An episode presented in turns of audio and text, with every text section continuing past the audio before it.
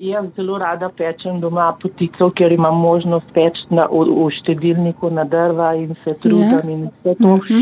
Eh, Mam, sem pa poskusila eno stvar, eh, ki se mi je zdela, da je fajna, zdaj boste pa vi to ocenili, če to drži. Mhm. Jaz sem zamislila testo in sem ga mogoče kasneje, čez kakšne 20 minut, ki je bi že počival, še enkrat pregnetla Ja. in spet lepo podvila, pokrila, uh, vzhajala in šele Mm. mm. pol sem za, uh, začela uh, valjati in veste, kaj sem ugotovila, da sem jaz to potico lahko precej boljš potem zavila, čeprav je bila fila zelo uh, bogata.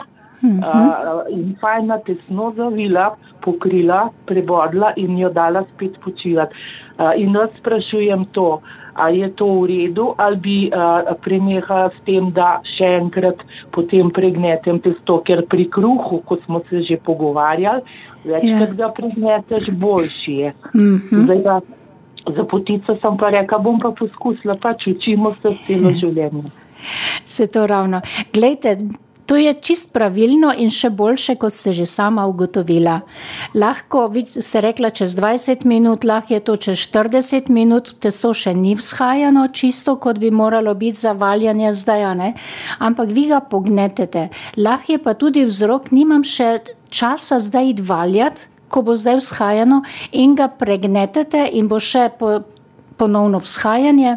Ta čas pa vi pripravite to, kar še morate in želite, da boste lahko potem se posvetili valjanju, mazanju in skrbnemu zavijanju potice. Tako da je mirno lahko dvakrat pogneteno ali pa celo v tretje.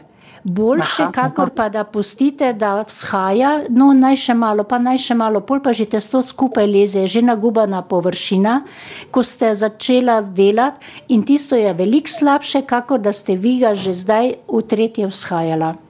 Aha, aha. Vedno pravočasno pognest, naj še spet na novo se glivice kvasovke aktivirajo in so vedno bolj močne. Zato Aha. je Aha. to dobro, da ga večkrat pregnetemo. Zdaj pač pri potici, ko je delo podaljšano, še mazanje, še enkrat vzhajanje, pa še peka, gledamo, da vsaj enkrat temeljito vzhaja in pol valjamo. Zato se običajno reče, ko je testo vzhajano, gremo delati potico. Če pa ni možnosti, pa mirno pognetete in ste sama ugotovila, kako je bilo uspešnejše.